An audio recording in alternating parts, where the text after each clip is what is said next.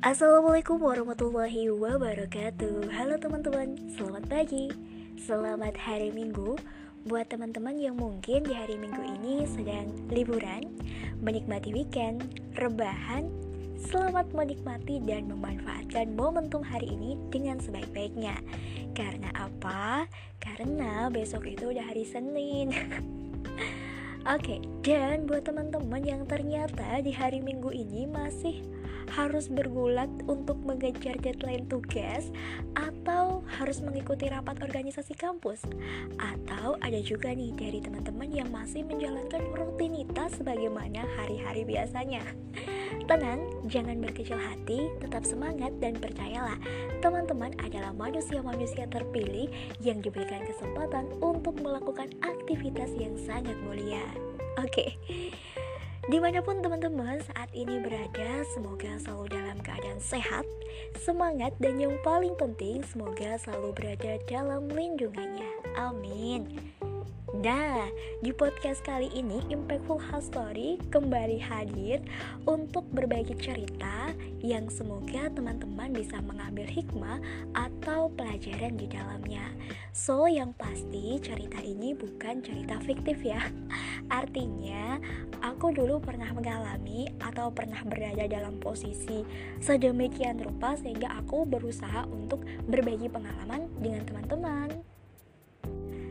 Oke, jadi di podcast Impactful Health Story sesi ini Aku mau bahas atau aku ingin bercerita tentang salah satu tulisan yang aku tulis di blog pribadi aku yaitu Warren Journey Me Buat teman-teman yang udah berteman sama aku di akun Instagram aku Mungkin bisa langsung klik link yang ada di bio Instagram aku Nah, buat teman-teman yang males buat klik-klik dan cek uh, akun blog aku Cukup dengerin podcast ini aja ya Oke, okay, jadi di salah satu uh, tulisan yang aku publish di blog aku itu judulnya tentang membangun rasa percaya diri gitu. Aku percaya dan aku yakin setiap orang akan merasa atau pernah berada di posisi di mana mereka merasa tidak percaya diri, teman-teman. Entah itu hanya sifatnya sementara atau tidak permanen. Artinya, rasa ketidakpercayaan diri itu muncul secara tiba-tiba dan sifatnya mungkin hanya sebentar.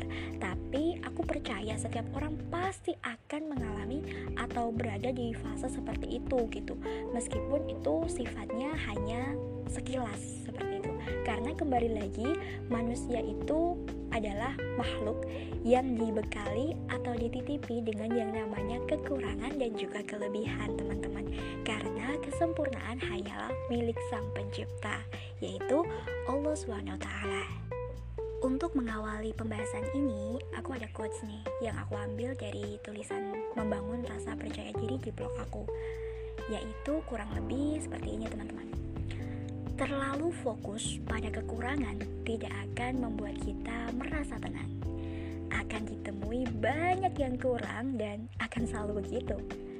Sementara terlalu fokus pada kelebihan bisa berpotensi memunculkan perilaku sombong tanpa disadari. Inilah arti dari hidup secara hati-hati dan mawas diri.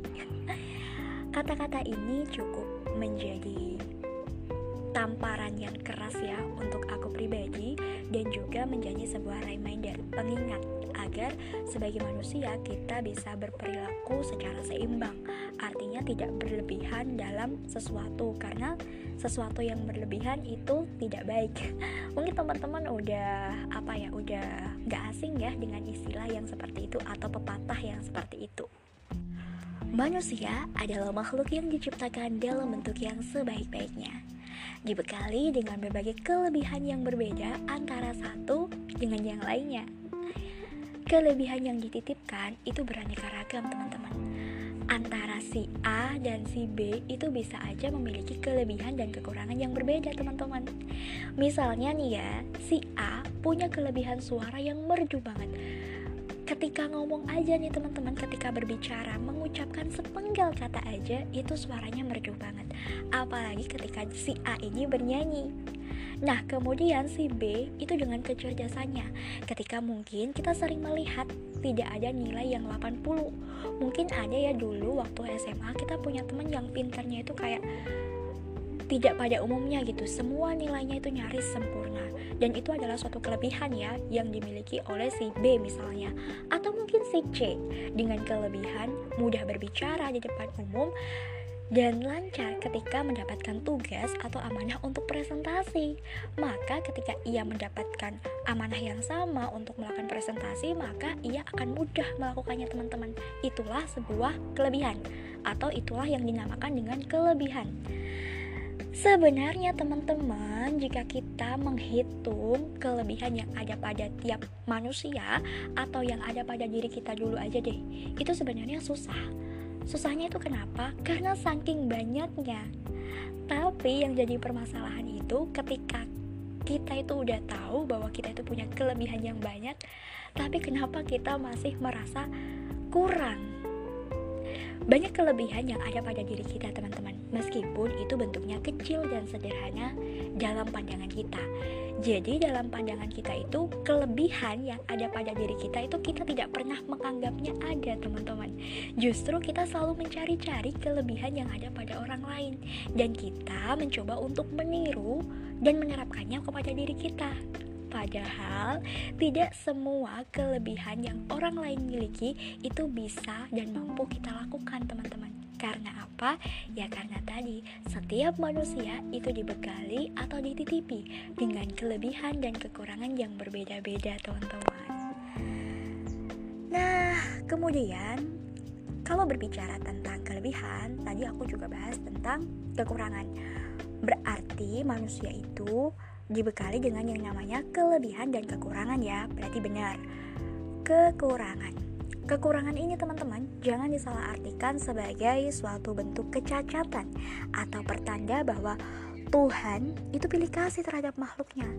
Jika kita berpikir demikian, sungguh buruk prasangka kita terhadap Allah Sang Pencipta yang Maha Pengasih dan Maha Penyayang. Kesempurnaan hanya miliknya, Sang Pemilik langit dan bumi dengan segala isinya. Adapun Tuhan Allah menyandingkan kelebihan dan kekurangan pada manusia itu untuk apa sih teman-teman? Kenapa harus ada kelebihan dan kekurangan? Kenapa sih nggak kelebihan aja? Kenapa harus ada kekurangan gitu kan? Ya itu tadi teman-teman Agar manusia, agar kita nih Itu selalu ingat dan bersyukur Bahwa semua manusia di hadapan Allah itu sama baik yang cantik atau tidak dalam pandangan kita, baik yang pintar atau tidak dalam pandangan kita, Allah tidak melihat itu, teman-teman. Allah yang lihat apa yang Allah lihat, Allah melihat ketakwaan kita, teman-teman. Proses kita dalam memaksimalkan apa yang sudah dititipkannya kepada kita gitu. Apabila kita udah tahu nih, udah sadar paham bahwa kita semua itu sama di hadapan Allah, maka semoga kita bisa terhindar dari suatu perilaku yang sangat Allah benci. Apa itu? Yaitu sombong dan angkuh.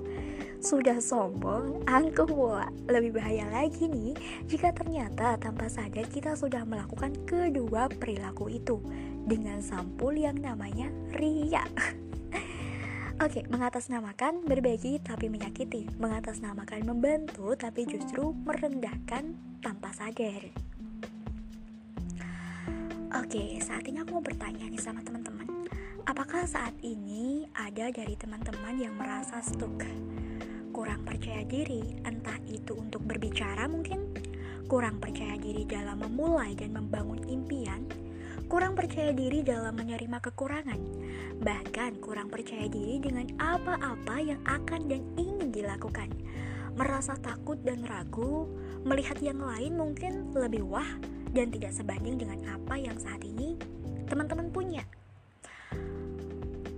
Aku pernah berada di posisi seperti itu, di mana aku melihat bahwa kenapa ya kok orang lain bisa melakukan A B C D E F? Kenapa aku nggak bisa gitu? Padahal aku juga udah berusaha untuk melakukan A B C D E F tapi hasilnya itu kadang tidak maksimal dan kadang juga nol gitu.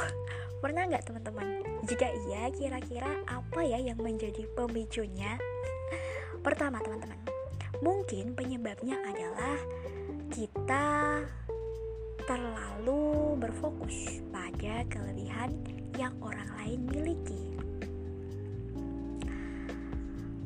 Kita terlalu berfokus pada apa yang tidak bisa kita lakukan.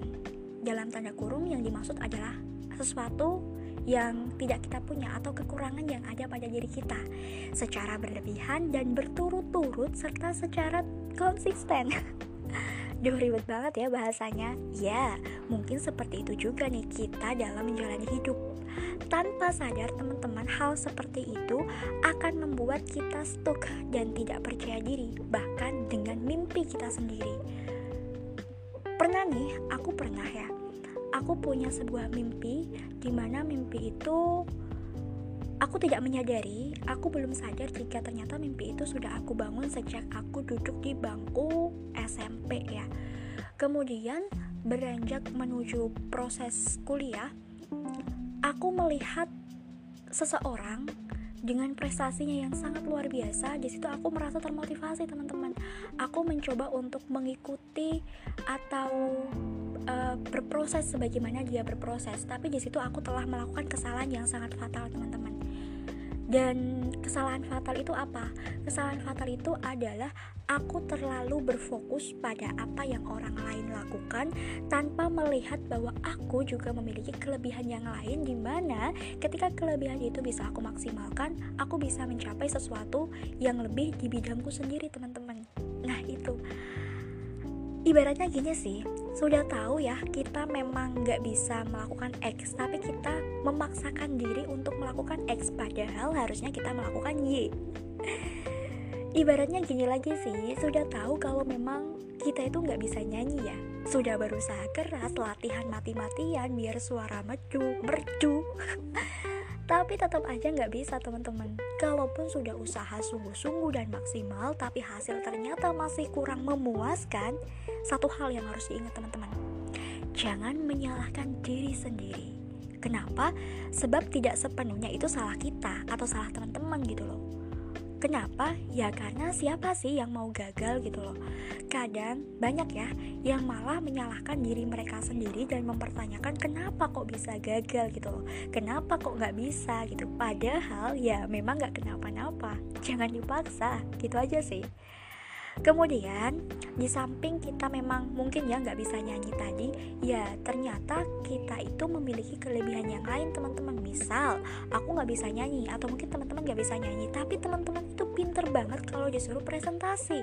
Teman-teman itu pinter banget kalau disuruh gambar. Teman-teman itu pinter banget kalau disuruh desain. Teman-teman itu pinter banget kalau misal disuruh merancang sebuah pro project ya atau mungkin melakukan suatu uh, proyek gitu ada sisi-sisi di mana kita memang mampu dan ada pula nih sisi-sisi di mana sisi itu memang bukan kelebihan kita. Allah menciptakan manusia itu kan ya untuk saling tolong menolong dalam kebaikan dan saling melengkapi kekurangan.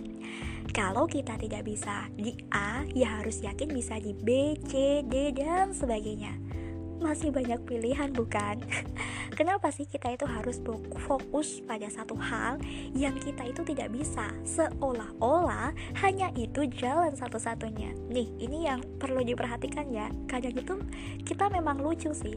Kayak hanya karena kita tidak bisa pada satu bidang Kita seolah-olah menjustifikasi atau melabeli diri kita sendiri Bahwa kita nggak akan berhasil gitu. Hanya karena kita tidak bisa pada satu bidang. Padahal teman-teman kalau kita mau intro, introspeksi ya pada diri kita sendiri kita punya kelebihan-kelebihan yang lain teman-teman. Yang bisa kita maksimalkan yang bisa kita kembangkan. Dan percayalah ketika kita sudah melakukannya maka kita akan menjadi pribadi yang lebih baik yang bisa uh, potensial lah di bidang kita yang bahkan bisa profesional di bidang kita. Kayak gitu teman-teman nah coba deh mulai sekarang jangan terlalu berlebihan fokus pada apa yang memang kita tidak bisa dalam artian itu memang bukan bidang kita ya dan benar-benar tidak bisa tidak ahli di bidangnya kayak gitu Jangan sampai kata-kata ini tuh disalahartikan untuk tidak mau mencoba dan pasrah. Karena apa teman-teman? Kedua hal ini itu dua hal yang berbeda kayak gitu.